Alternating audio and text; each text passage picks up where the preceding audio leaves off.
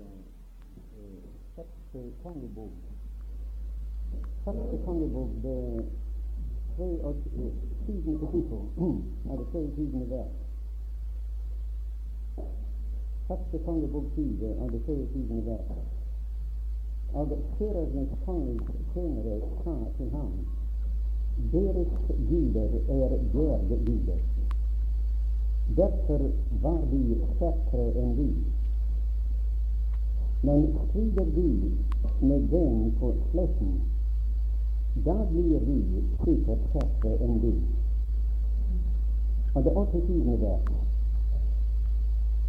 Da trådte hun Guds mann frem og sa til Israels konge.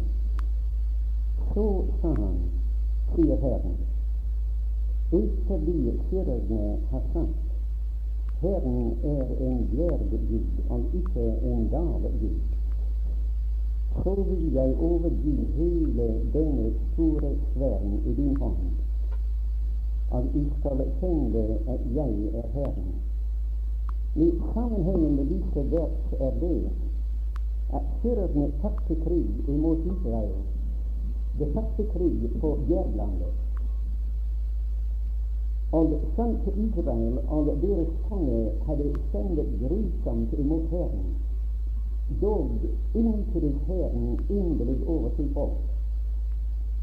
Og han gav Israel en veldig seier. Altså Syrerne hadde en stor hær, og Israel hadde bare noen få tusener. Men Herren gav dem en veldig seier over syrerne. Og da holdt syrerne rådslagning for å kunne avgjøre hva årsaken var til det store nederlag. Og resultatet ble at Israels gud måtte være en bjerggud, og derfor ga han den seier på gjerdet. Men deres guder var dalguder. Og om de tar Israel ned i dalene, da ville de sikkert få seier over Israel. Og Gud, mine venner, både for sin egen æres skyld og for sitt sønnelige folks han kom inn og han sendte dette budskap til Israels konge. At ut forbi føreren sier at Israel, Israels Gud er en bjerggud og ikke en dalgud. Derfor giver jeg denne store sfæren, den store hær, i din hånd.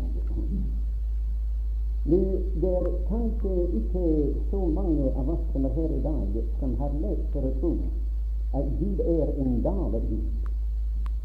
Vi vet at Han er en Gud når vi er høyt på velsignelsens og gledens bjerger. Da er vi sikre på at Han står bak det, og Han er en bjerggud. Men når vi går gjennom det mørke og siste daler, da er det vanskelig også for oss å tro at han er en dalegud. Og dog er han en dalegud så vel som en bjerggud. Apostelen Paulus var på en av disse høyder, disse store, høye bjerger, da han skrev til filippenserne i det fjerde vers i det fjerde kapittel Gled eder i Herren alltid, og atter vil jeg si gled eder. Som vi alle sammen vet, lå han da i et fengsel da han skrev disse ord. Og da var han kanskje en av de gladeste mennesker i denne verden her. Og han skrev til dem, som han skrev så mange ganger i det brev om glede, Gled Herren alltid, og atter vil jeg si glede eder. Men da så han ned i dalen nedenfor, og litt lenger ned i kapitlet sier han at jeg formår alt ved ham som støtter meg. Han sier der at jeg har lært å, å nøyes med det jeg har, med fattigdom eller rikdom. Gud er min Gud, mente han, hva enten jeg er på Gergelig stat eller i Dalarna. Og den gangen da han skrev eller Efeserbrevet, som jeg hadde en del om i går avsnitt, han begynte der i det første kapittel allerede på den høyeste synde som kanskje er i hele Guds velsignede ord. Og han kom så høyt opp at han kunne se tilbake til evigheten som var. Og han så der, han så Guds rådslutning der, og så hva Gud hadde foretatt seg, og Gud foretatt seg, der i evigheten som var. Og da skrev han Lov være Gud og vår Herre Jesus Kristi Fader, Han som har velsignet oss med all åndelig velsignelse i himmelen i Kristus. Bare tenk et øyeblikk altså, han kunne skrive det både om seg selv og om, om andre, om oss, vi som er her i dag. Han sier liksom han har utvalgt oss i ham før verdens grunnvoll ble lagt, for at vi skulle være hellige. At det er ikke akkurat nøyaktig, altså, at vi skulle være hellige, men han utvalgte oss, liksom han utvalgte oss før verdens grunnvoll ble lagt, hellige. Ikke bare vi skulle streve for å være det, men han utvalgte oss hellige. Og siden i det første vers sier han han har satt inn i nåde, i inderst hos den eldste. Om du, Jeg har også tenkt når jeg leste disse vers der, at om for som noen av oss hadde lest disse vers, disse tre vers, altså fra tredje til sjette vers i dette kapittel, og vi har sittet ned og lest om vesener som velsignet med all åndelig velsignelse himmelen i Kristus. Utvalgt i Kristus har verden grunnvåget ble lagt. Og endelig at det ble satt inn i inderst i den elskede, i det samme forhold til Faderen som Sønnen var.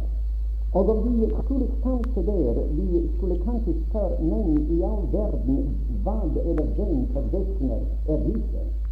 Jeg har hørt om engler og serafer, men om slike vesener som det her har jeg aldri hørt om eller visst om. Men når vi kommer til det syvende vers, da viser vi hvem det er. Det viser der i hvem vi har forløsningen ved hans blod, vi forlatelse etter hans nådige rikdom. Ikke utover hans nådige rikdom, men etter hans nådige rikdom. Det er en forskjell mellom utad og etter. Om en rik mann eksempel ville si til en fattig mann jeg skal gi deg ut av min rikdom. Nå vel, det kunne betyde kanskje 100 kroner eller, eller flere hundre kroner.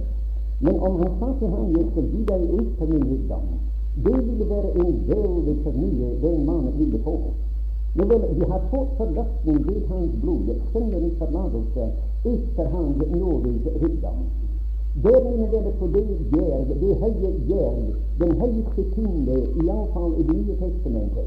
Der står apostelen, og han ser tilbake til evigheten som var, og han ser fremover til evigheten som kommer, og han faller på sine kne, og han tilber. Lovet være Gud og vår Herre Jesu Kristi Fader.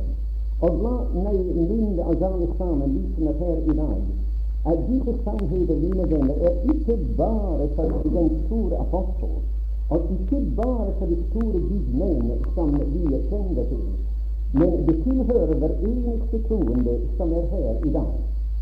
Denne doktor James Gray, som kanskje de fleste har hørt om, han var en ung mann i modig tid. Og han ble, som vi vet, pastor i modig kirke i Chicago.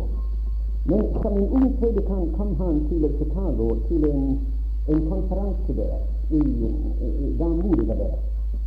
Og han måtte være meget sammen med en troende mann. Og eh, den troende, sa han, jeg hadde aldri sett noe som, eh, som det som særpreget ham.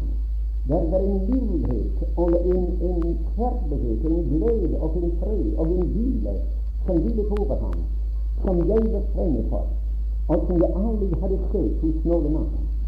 Etter jeg ble bedre kjent med ham, da begynte jeg meg til å spørre ham hva hemmeligheten var. Jo, sa han, det skal jeg fortelle deg. Han sa for så mange år tilbake, da var min familie og jeg ute på landet. Vi var der oppe en, en søndag. Jeg tok med meg et eksemplar av, uh, av Efeserbrevet. I England og den engelsktalende verden vi kan sette hele Bibelen, altså hver bok for seg. Og jeg tok et eksemplar av Efeserbrevet i London. Og jeg gikk utenfor der vi bodde, og inn i en skog i nærheten. Og jeg la meg ned på gresset, og jeg begynte å lese Efeserbrevet. Og det var så vidunderlig for han å lese det første kapittel, at jeg gjorde det som jeg ikke før hadde gjort. Jeg fortsatte å lese inn i det andre kapittelet, og jeg så en sammenheng som jeg aldri før hadde sett. Og jeg fortsatte oppmuntret av det, fortsatt, og jeg leste det tredje kapittel. Og jeg leste igjennom hele Efeserbrevet. Og det var så vidunderlig for mitt hjerte, sa han, at jeg gikk, begynte om igjen, og jeg leste Efeserbrevet en gang til. Og så han før jeg var ferdig med og der, der jeg lå, hadde jeg lest igjennom Efeserbrevet 15 ganger fra det første til det siste vers. Men han, da jeg stod opp der jeg lå, da var jeg satt i himmelen siste. Hva han mente var at Nå var sannheten som er i Efeserbrevet, blitt til en levende erfaring av virkelighet for meg. Og doktor Gray sa at jeg var den gangen en, en, en pastor, ordinert som pastor, og her var en, en troskyldig, en alminnelig troende mann. Og han lærte ham en lekse den dagen som omforandret hele greide liv. Det var vendepunktet i hans liv.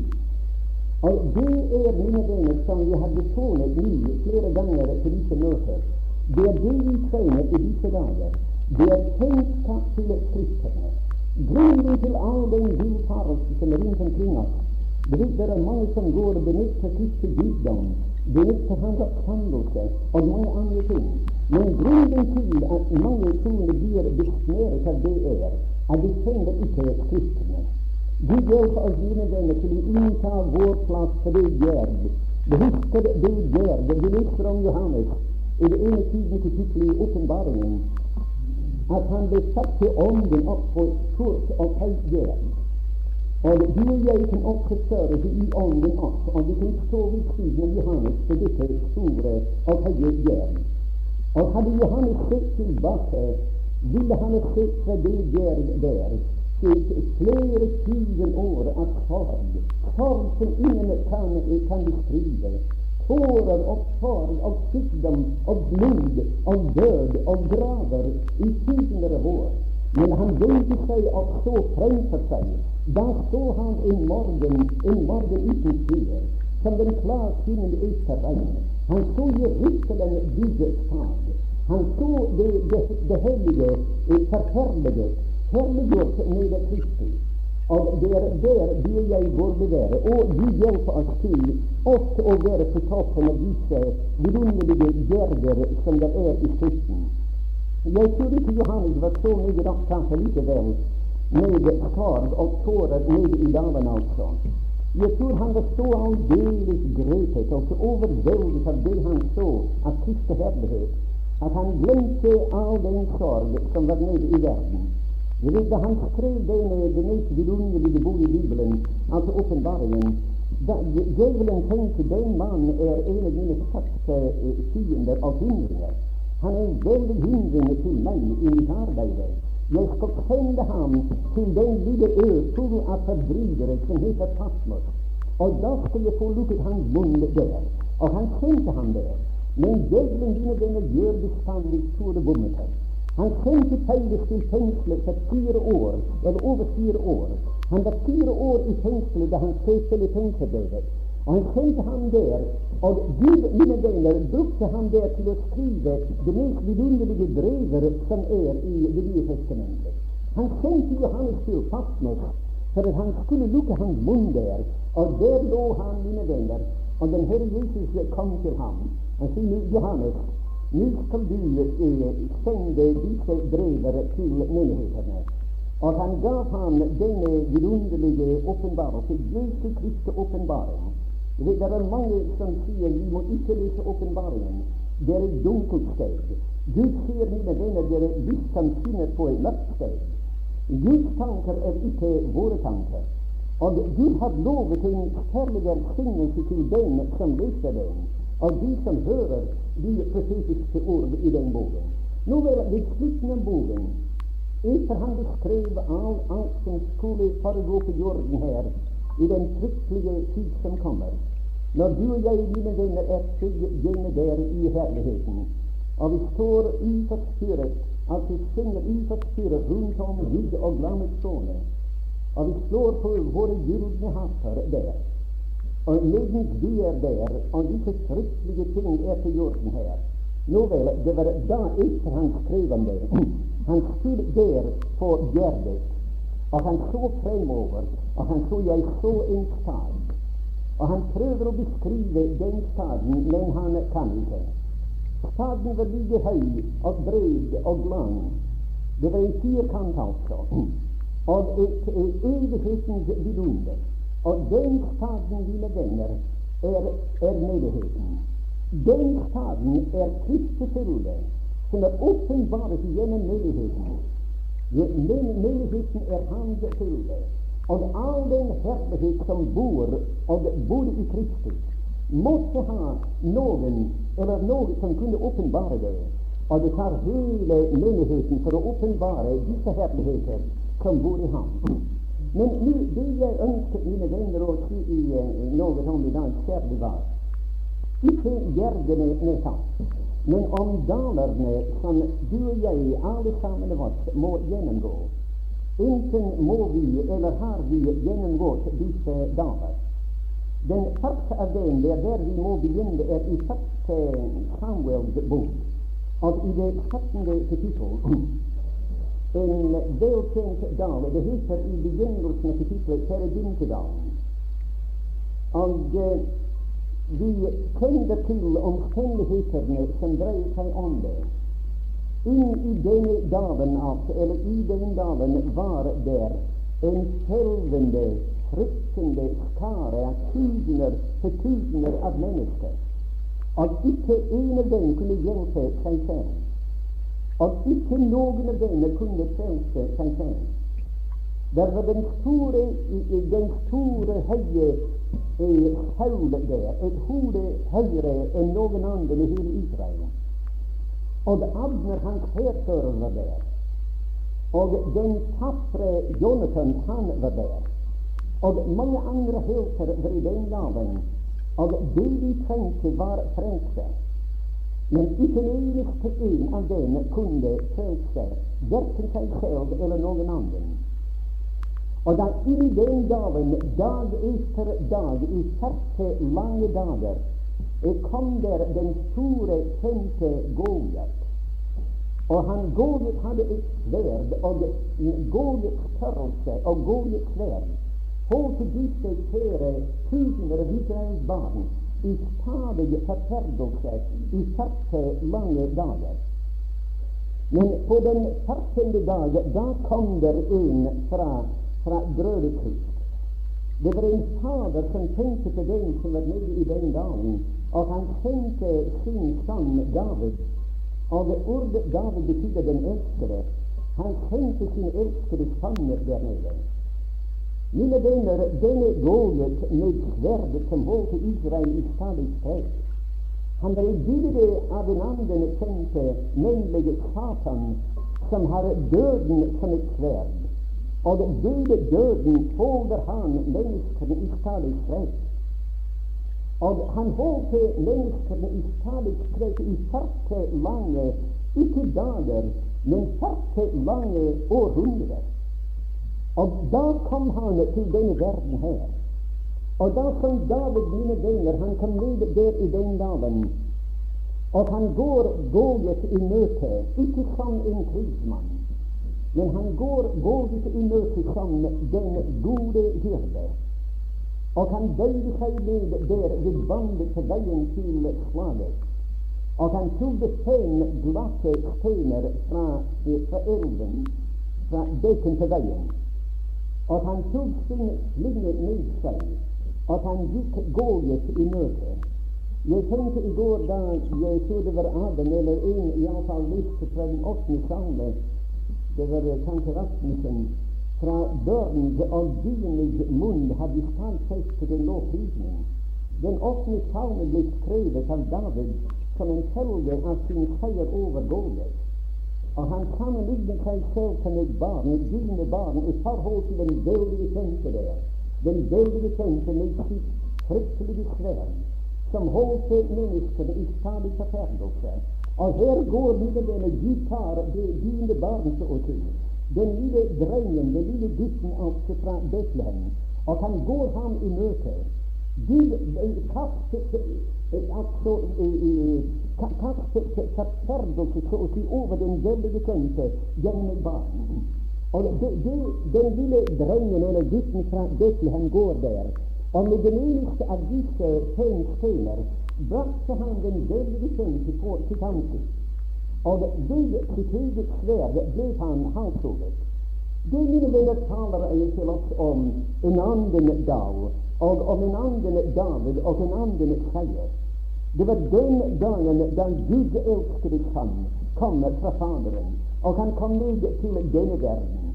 Når første lange århundrer hadde gått sin vei, og han kom her ned, og ved døden, altså ved djevelen ved det sverd, ved døden gjorde han djevelen til intet, som hadde dødens velde. Og siden kom han tilbake igjen fra de døde. Da han kom tilbake fra døden igjen, da han kom tilbake med Gårdets hoved i sin hånd, og han gikk til Jerusalem og begravde det der. Og han begravde det utenfor Jerusalems mur. Og se der han begravde Gårdets hoved, fikk navnet av, av Gal Galiet, Gal Galiet. Og senere ble det forandret til Golgata. Der ligger Gårdets hoved begraven. Og David begraver det der, på under den høye der utenfor Jerusalem. Men mine venner, da den Herre Jesus, den Davids store sønn og Davids herre, kom tilbake til slaget Han kom der den morgen, den uforglemmelige morgen, og vi synger om ham, mine venner. Vi synger om ham, jeg så ham i haven, og aldri så skjønn jeg ham så. Han kom tilbake til slaget hadde vunnet den veldige seier over døden, gjort ham til intet døde sitt eget sverd, og gjør han oppstanden. Men denne gangen er det ikke bare én gård som ligger tilbake halshugget, men det er sju dødelige kjemper som ligger der tilintetgjort på Tenk en dom, mine dømmer, jeg ser ikke mer på en troende. Han har eh, eh, altså offeret istedenfor at offeret blir brent til aske der ved Golgata. Offeret, mine venner, er stupt til ilden der ved Golgata. Tenken guddom er tilintetgjort. Tenken død eksisterer ikke mer. Og tenken Satan er beseiret. Og alle disse tenker som skulle mot deg og meg, alle sammen er beseiret. Og det ligger der rundt om på Golgates flaggmark. Og da kommer den Herre Jesus inn iblant disiplene, da de satt der den aften bak lukkede dører. Han sa nå, og frykter vi? ser mine hender. Seieren er vunnen, og jeg er oppstanden. Det finnes ikke noen grunn nye til et frykt. Jeg er oppstanden igjen fra de døde. Nå vi finner i denne gaven her da David gikk ham i møte, og med det eneste, en eneste av disse fem stener, brakte han den veldige kjente på sitt ansikt da det var fire store virkninger av hans seier. Noen av dere kunne spørre kanskje hvorfor var det fem scener. Og det, det er mange forklaringer. Kanskje nesten alle de forskjellige har hver sin forklaring over de fem steiner. Men det jeg har selv tenkt, er det. Det vil jeg ha fem sanser. Men eh, jeg vet ikke om det har noe med det fem steiner å gjøre. Men det er én ting iallfall som er ganske sikkert, at Godet hadde fire brødre. Og disse fire brødre var femten. Og alle sammen den skulle tilintetgjøres av David og Davids menn. Og David kanskje med et profetisk fremsyn sa den dagen jeg skal drepe deg mye, men dine fire brødre skal drepe senere. Og han tok fem stener fra, fra deken til veien. Nå vel, der, som sagt, så snart som seieren var vunnet, så snart som, eh, så snart som folket så med sine øyne der er sannelig kjempen er fall. Og da er, er, seier her. den første virkning var begeistring. Du vet hvordan det er når, når det er vekkelse. Du vet hvordan det er, mine venner, når sjelen blir sett. Du husker selv hvordan det var den gangen da vi gikk over fra døden til livet. Det vi har til evangeliet, da vi gikk opp for oss, din sjel er frelst. Jeg Kristus har frelst meg. Den første virkning er begeistring. Og den andre er ganske naturlig, naturligvis tjeneste. Til ikke bare ble vi begeistret, Ikke bare kom vi i bevegelse, men den neste tingen var det begynte å fortelle fienden. Og det var et veldig mannefall den dagen.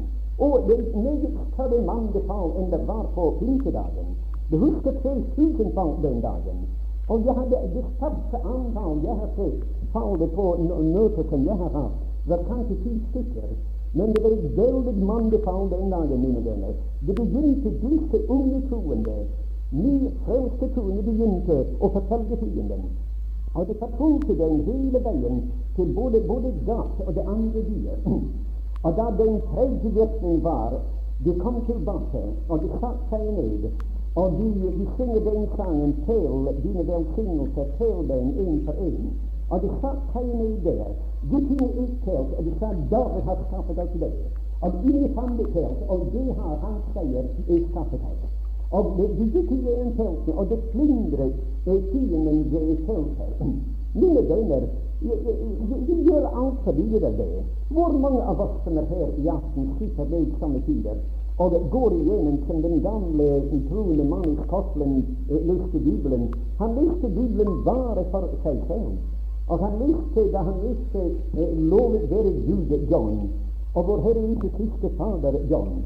Han som har velsignet deg, og han tilføyer sitt navn hver gang han leste om et løfte eller en velsignelse. Nå vel, vi finner her i disse, i, i disse her Vi finner at vi finner at de kom tilbake, og de talte sine velsignelser. Men det er en av dem, mine venner, som gikk lenger enn noen av de andre. En av dem som gikk forbi både begeistring og gikk forbi velsignelsene, gikk forbi tjenester, og det var Jonathan. Og der, da han så David, han var aldeles overveldet av denne preker. Han sa 'Du har reddet meg, og du har reddet Israel'. Og han kledde seg av i, i Davids nærværelse. Og han gav David hver eneste ting som kunne gjøre seg selv bemerket og fremstående og fremragende i Israel. Han sa nå skal David få sammen. Det, det var ikke kanskje folket ville si den gangen det er ikke en passende ting for kronprinsen å gjøre. Til Jonathan var kronprinsen i Israel. Og det var ikke en passende ting for ham å opphøye David høyere enn seg selv. Og gi David det som egentlig skulle ha gjort ham selv bedekket. Men Jonathan, mine venner, hadde truffet sin egen frelser og forløser. Han gav ham alt sammen. Kleder, beltet, sverdet, våpen, buen og alt sammen. Jeg skal vise eder, mine venner, en annen Jonathan en Jonathan i Det nye testamentet. Denne, denne gudsmannen Paulus aldri hadde vært en sånn gudsmann som han. Og vi leser i det tredje kapittel i Filippenserbrevet han sier de ting som er meg innbinding, og han regnet opp seks ting som var ham innbinding. Ikke de ting som jeg skammet meg over, ikke de ting som jeg var skamfull og erkjente, men de ting som var meg innbinding, disse har jeg alltid fortalt for Kristi skyld. Og jeg har skrevet skaren over alt sammen for at jeg skulle vinne Kristus, eller ha Kristus som vinning. Det var, mine venner, Jonathan i Det nye testamentet. Nå, si meg, er alle vi som er her i aften, er alle vi, mine venner, befriet fra frykt for tenken? Og for vi gikk ned i byen nå og vi traff mennesker, og vi spurte noen av dem er dere redde eller befriet fra tenken. Det vil si til oss hvilken tenke. Tenken, mine venner, som jeg mener er døden. Går vi som er her i aften, fremdeles og frykter for den fryktelige tenke som heter døden? Kristus har, vi leser i Hebreerne så, han ble kjød og blod, tok kjød og blod, for at han kunne gjøre ham til intet som hadde døden velde, det er djevelen, og fri oss som var frykt for døden i kvelden hele vårt livstid. Mine kjære venner, døden eksisterer ikke for en troende. Det som er døden, eller det vi kaller for døden, det er borte fra legemet og hjemme hos Herren. Ordet død er ikke brukt som en trolig død omtrent etter siste oppstandelse. Det er et helt annet ord som er brukt om en trolig død. Det er bortgang, borte fra legemet og hjemme hos Herren, og fare herfra og være med Kristus. Og hen sove ved Kristus. Døden, mine venner, jeg ser ikke for en troende. Og om vi ser den oppstanden Kristus, ikke bare den døde Kristus, men den oppstanden Kristus. Når vi ser ham, da er det at dødsfrykten forsvinner. Døden er tilintetgjort så vel som våre synder. Nå vel, det er, det den fakta av disse dager. Og jeg håper at alle sammen oss som er her i aften, har fått eh, vet hva det er å gå igjennom denne dagen. At vi har sett det fullbrakte verk. At vi har sett vår dag gå ned i døden og på den tredje dag oppstå igjen som seierherre, og siden fare opp til Guds trone, til Faderens høyre hånd. Jeg håper vi alle sammen har sett det, og ikke bare sett det, mine venner, men har erkjent nå er alle mine fiender tilintetgjort. Jeg behøver ikke å frykte noen av disse ting som jeg en gang fryktet for. Nå er alt sammen fjernet. Og nå er jeg brakt så nær, så ganske nær til Gud, at mer nær jeg tenker sammen. Nå er jeg ikke hans sønn, jeg er så nær som ham. Det er den første dag av disse dager. Det er frelsens dag. der er djevelen og synden og alt ble tilintetgjort. Og vår dag vi kom tilbake igjen til døren, og vi kan tjene ham nå. Og vi kan glede oss til ham nå, og vi kan være overveldet som Jonathan var av ham. Nå, Les et vers i vi kan lese vers i den fire og åttende salme Den fire og åttende eh, salme. Det, altså det er to deler i denne salmen. Den ene delen er, som vi vet, det begynner det er den deilige salmen som begynner med Hvor elskelige er dine boliger, Herre herskarene Gud. Min sjel lenge, ja, vant smekk den lengsel etter Herren forgår det.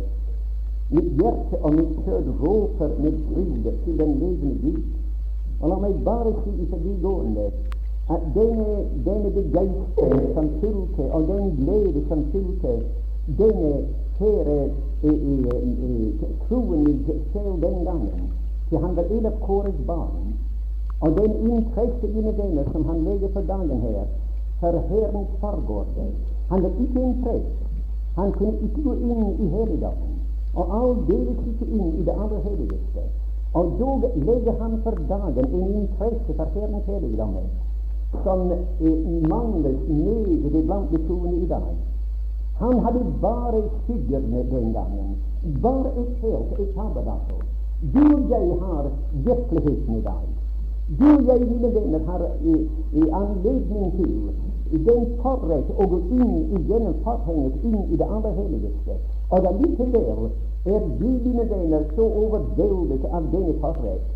Sier vi somme tider hvor elskelige er din nærværelse, min Gud, og min, min sjel lenger, å komme fra kontoret, fra forretningen, fra arbeidet og fra alt sammen, og å komme inn i din nærværelse. Vi undres om vi, mine venner, er begeistret på den måten. Her det er to deler som jeg sang i den salmen. Den ene er hva vi er innenfor eh, hos Gud. Den andre delen er hva vi er utenfor for Gud. Den første delen av salmen er det er ditt helligdom, og sjelen nyter den. Og er full av, av glede over å være i Herrens nærværelse. Den andre er, som vi leser i det, i det syvende vers, eller les sjette vers, salig er det menneske som har sin styrke i deg. Du hvis hu står til det gjeldende veier når de vandrer gjennom Tåredalen. Bare tenk deg et øyeblikk, mine venner. Vi går inn til Gud, og vi er der, alene med Gud. Vi fryder oss i Hans nærværelse. Vi sier, min Fader, det er ikke en tid imellom oss, ikke en tid mellom deg og meg. Jeg er her så nær til deg, nærmere kan jeg ikke komme. Og her er stedet to av din herlighet, ansikt til ansikt med deg. Og vi tar i inderligste samfunn med Faderen der. Og vi deler der. Fryder oss i disse gleder, det, evige liv gleder. Og når vi kommer utenfor, hva finner vi? Vi finner, mine venner, en tåredal. Alt sammen utenfor hans nærværelse er en tåredal. La meg si til oss alle sammen at denne dal skal vi ikke finne på noe bibelsk kart. Du behøver ikke søke etter det på noe kart. Den dalen eksisterer ikke på noe kart. Den dalen, mine venner, er i scenen i dag.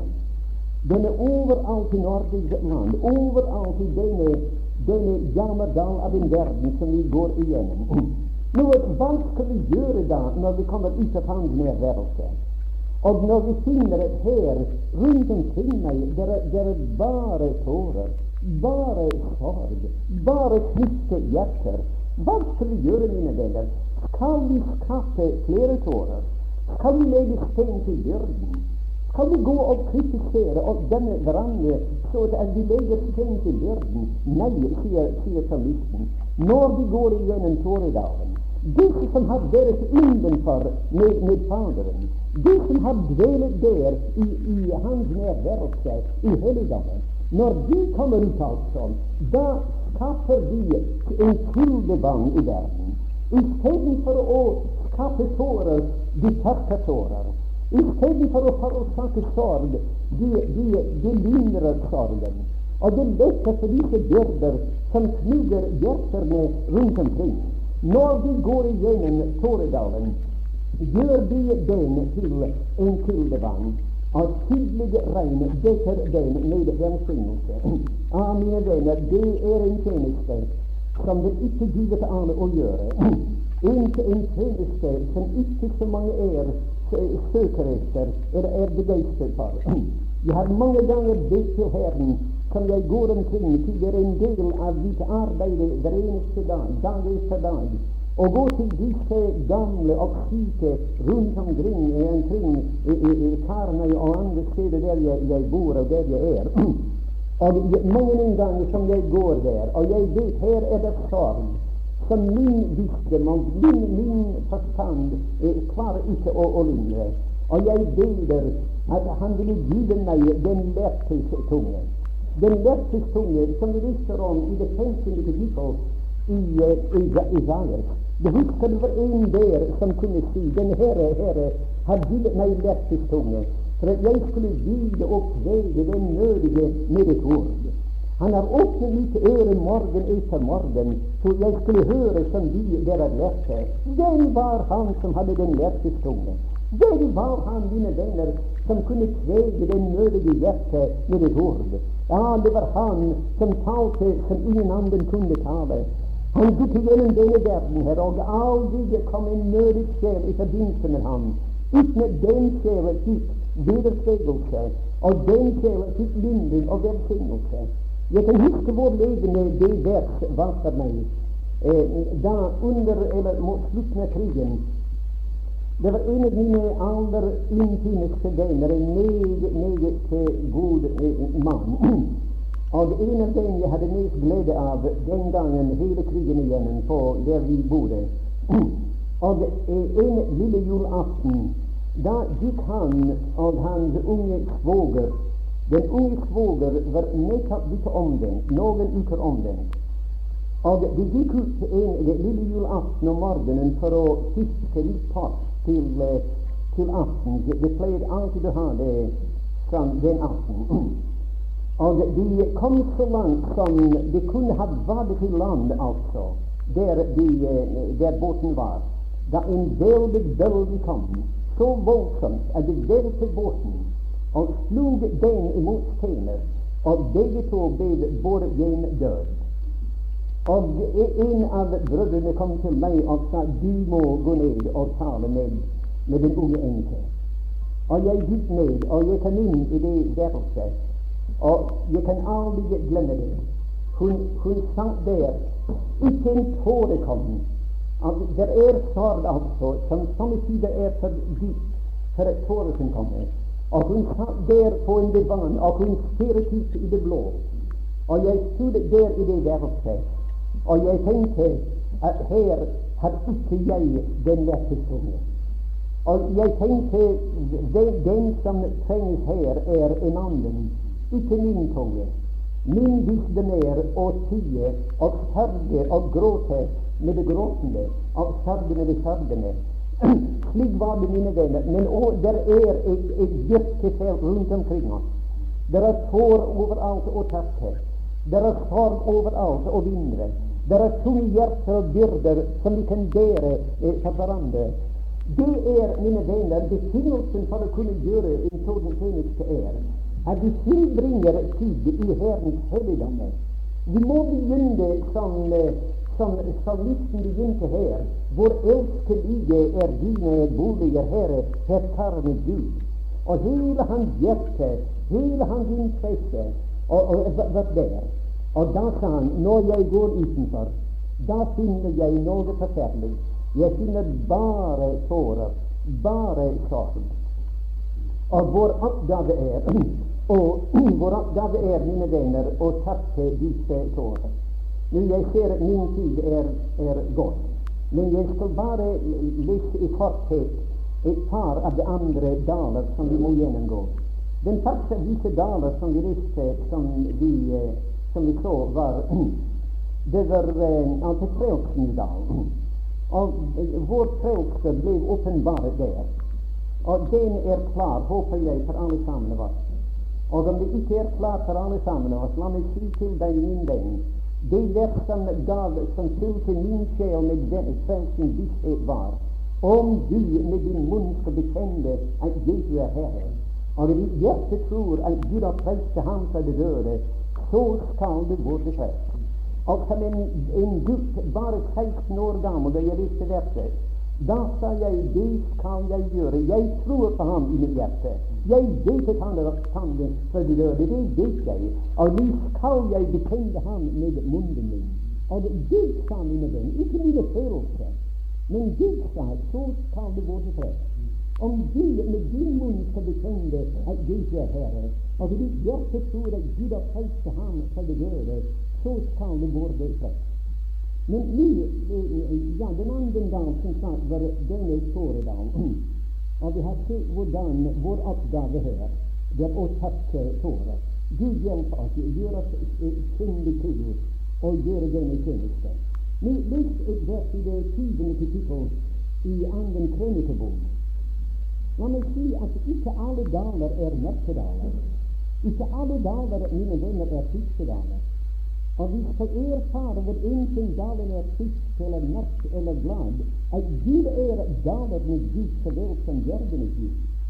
Og vi finner her i det, i det syvende kapittel i, uh, i Anden krønikebok det, det, var, uh, ja, ja, det, det er for langt å lese, men saken i det første vers finner vi sammenhengen. Der kom disse fiender imot Israel, moabiterne og ammonitterne og det andre. Og det kom imot Israel. Og Israel var meget, meget svak den gangen. Det kom imot Juda, Røykesland og Jerusalem. Deres hensikt var å utslette dem og tilintetgjøre dem. Mange har prøvd det i disse år. Og de prøver de, de i dag også, araberne og denne Nazer og det andre. Det er deres hensikt. Men de kan spare seg den uleilighet. Til aldri i denne verden skal de kunne klare det. Det var hensikt da. Og da Josefet, den gode konge Josefet, gjorde den eneste rette ting å gjøre, og han gikk til hæren i bønn.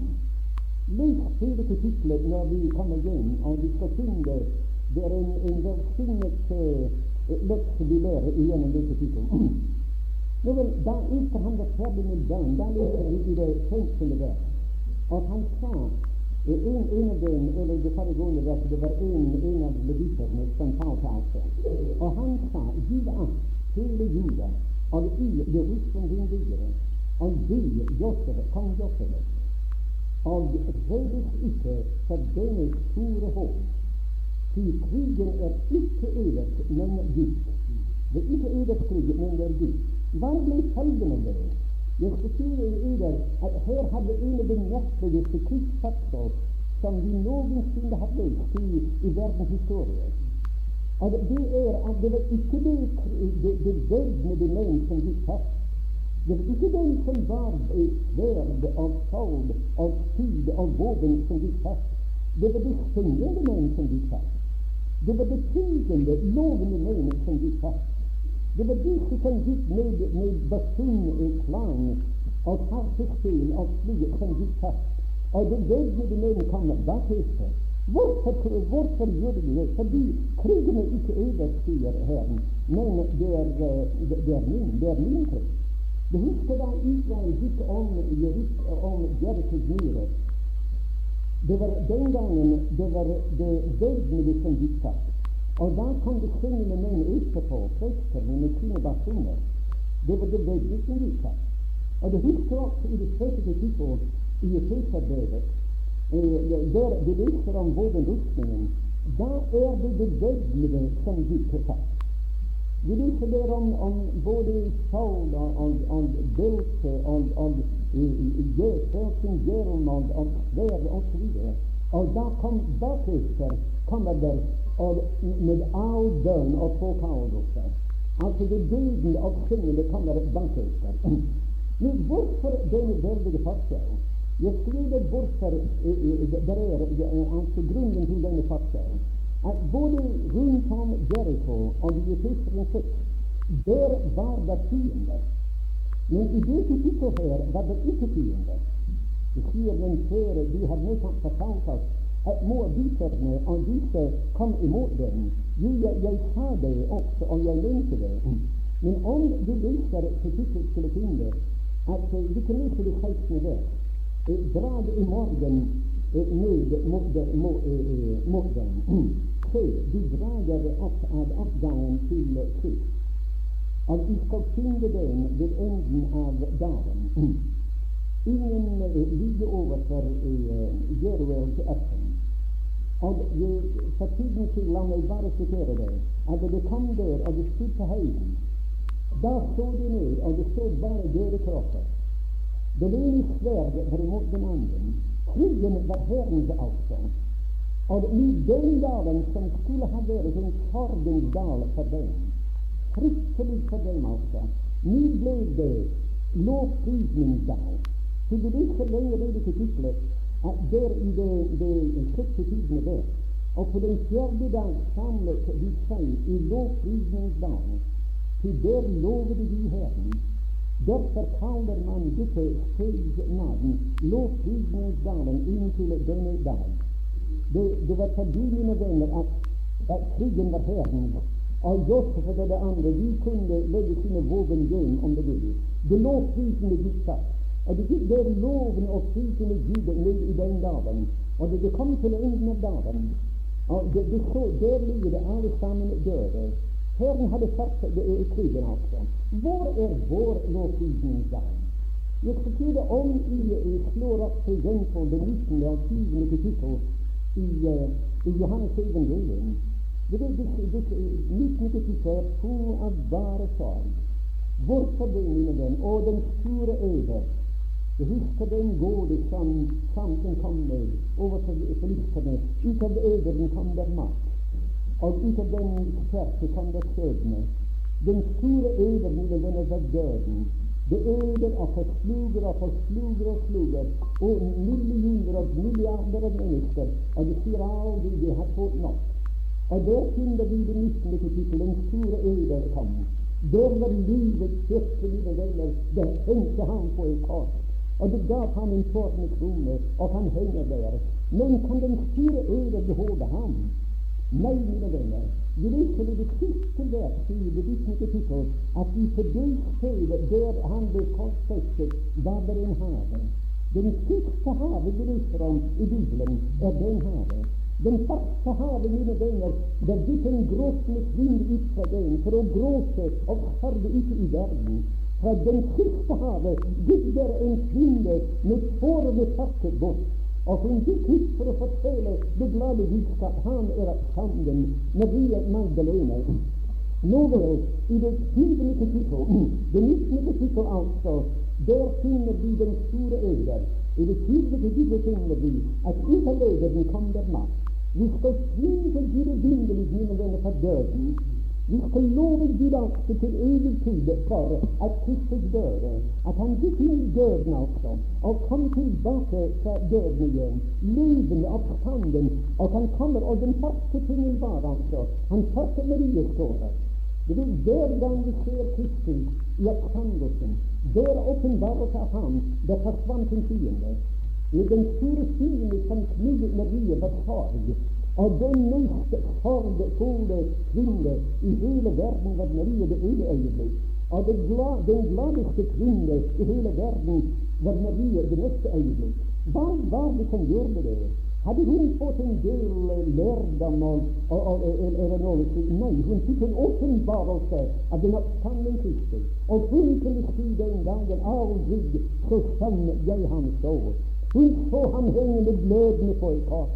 Ser hun ham i oppstandelsen, oppstanden fra de døde, og aldri så sønn, så hun ham før. Og da om aftenen, den samme aften, da går han inn igjennom de lukkede dører, som vi husker. Disiplene satt der full av frykt.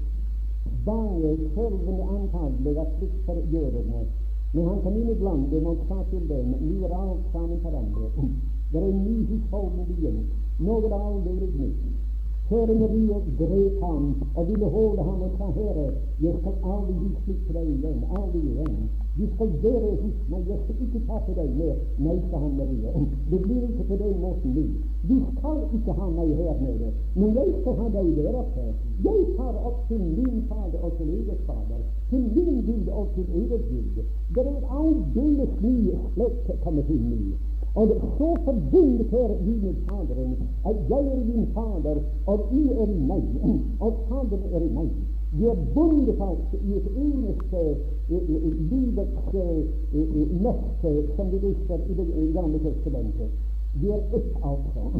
Det, var, det vår lovprisning i for et øyeblikk, at kjære Marie Magdalene var en, en fra den dagen av. Tror i at jeg vet ikke om hun kunne synge, men hun kunne iallfall prise og takke Gud. Hun, det var hennes lovprisning i dag. Og vi leser at disiplene de ble glade da de så Herren. Jeg kan huske et uttrykk av Mr. Nixon alltid. At uh, vi blir alltid glade når vi ser Herren, sa han. Og disiplene der ble glade da de så Herren. Min, min tid som sagt er forbi.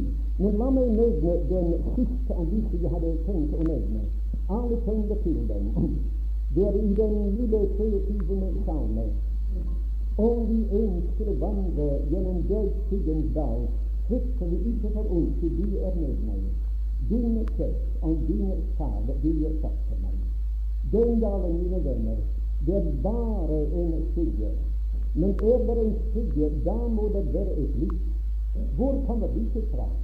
Lyset mine venner på den venstre side av salmen er det et kors. Og på den høyre side av salmen er det en krone.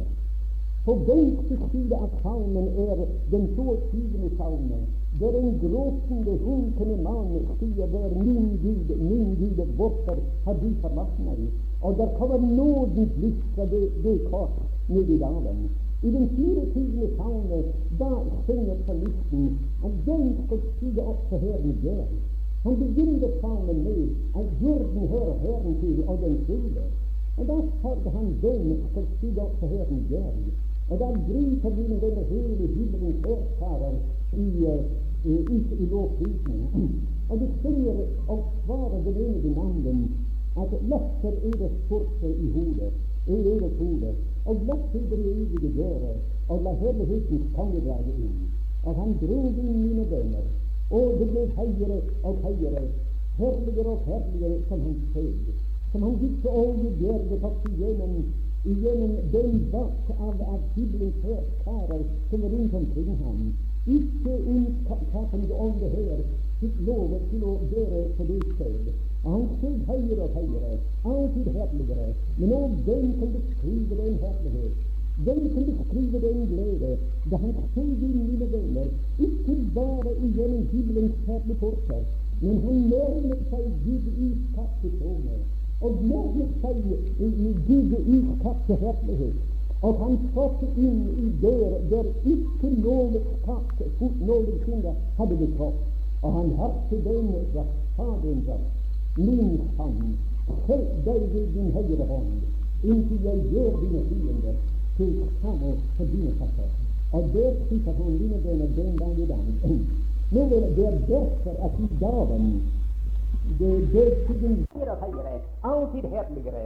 Men om hvem kan beskrive den herlighet? Hvem kan beskrive den glede da han steg inn, mine venner, ikke bare gjennom himmelens perleporter, men han nærmet seg Gud utkastet òg med. og nærmet seg i, Gud utskapte herlighet. Og han trådte inn i der der ikke noe skatt fot noensinne hadde betrådt. Og han hørte den røst, Faderen røst. Min sann, sett deg ved din høyre hånd, inntil jeg gjør dine fiender til skam for dine tatter. Og der sitter han, mine venner, den dag i dag. Nå vil Det er derfor at i dalen, det er dødsskyggens dal altså, er det lys. Det var en gang en kvinne som satt ved siden av den av sin datter som lå for døden. En troende kvinne, og hennes datter var en troende også. Og den gråtende mor sa, 'Å, mitt kjære barn, snart begynner du på dødsskyggens dal. Nei, sa den døende unge kvinne, 'Mamma, snart er jeg ferdig med den.' Og den unge kvinne hadde rett. Når vi lukker våre øyne, mine venner, dalen er her. Når vi lukker våre øyne, da åpner vi dem i et land der ikke er skygge, et land der ikke er død, for å skue Kongen i sin herlighet.